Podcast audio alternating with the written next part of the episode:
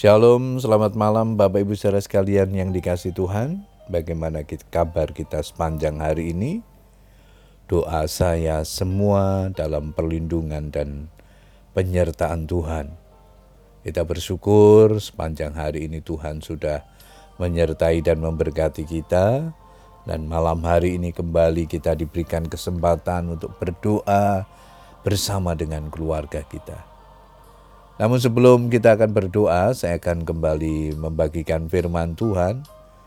Malam hari ini diberikan tema Kuduslah kamu sebab aku kudus. Ayat mas kita di keluaran 15 ayat yang ke-11. Siapakah yang seperti engkau di antara para Allah ya Tuhan? Siapakah seperti engkau mulia karena kekudusanmu, menakutkan karena perbuatanmu yang masyur. Engkau pembuat keajaiban. Kekudusan adalah atribut Tuhan yang paling mendasar. Karena Tuhan adalah Maha Kudus, maka Ia tak mengenal kata kompromi terhadap segala kejahatan, najis, dan cemar. Sebab kekudusan bertolak belakang dengan dosa, dan tidak bisa berjalan beriringan dengan dosa. Karena Tuhan adalah kudus, maka hidup kudus adalah mutlak bagi orang percaya, sebab tak seorang pun dapat datang kepadanya dengan sembarangan. Tanpa kekudusan, kita tak dapat menghampiri dia. Oleh sebab itu, Ibrani 12 ayat 14 berkata, Kejarlah kekudusan, sebab tanda kekudusan tidak seorang pun akan melihat Tuhan.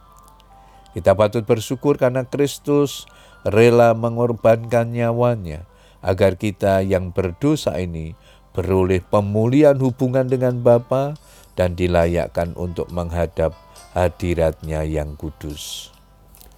Secara sederhana arti kudus adalah hidup tanpa dosa. Karena kita telah disucikan melalui korban Kristus, kita harus berjuang untuk menjauhkan diri dari dosa Sebab di hadapan Tuhan tidak ada istilah dosa besar atau kecil, dosa sepele atau dosa serius, dosa putih atau dosa hitam. Yang namanya dosa tetaplah suatu pemberontakan kepada Tuhan. Ketidaktaatan terhadap firman Tuhan. Lalu bagaimana cara mengejar kekudusan? Diawali dari ketekunan dalam membaca dan merenungkan firman Tuhan. Saat itulah Roh Kudus akan bekerja memperbarui hati dan pikiran kita dengan firman-Nya sebagai proses menuju kepada kepekaan rohani. Panca indera menjadi terlatih untuk mengerti apa yang menjadi kehendak Tuhan. Untuk hidup kudus dibutuhkan komitmen dan disiplin diri. Komitmen berbicara tentang ketetapan hati untuk hidup sesuai firman Tuhan. Disiplin diri berarti melatih diri melakukan segala sesuatu dengan tertib, teratur, dan berkesinambungan. Jadi, kekudusan adalah suatu proses hidup. Bapak Ibu saudara sekalian yang dikasih Tuhan, bila kita sadar bahwa berbuat dosa adalah perbuatan yang menyakiti Tuhan dan membuat Tuhan murka, maka kita akan terdorong untuk menjauhkan diri dari dosa dan godaan. Kita tidak dapat hidup kudus tanpa Roh Kudus bekerja di dalam diri kita.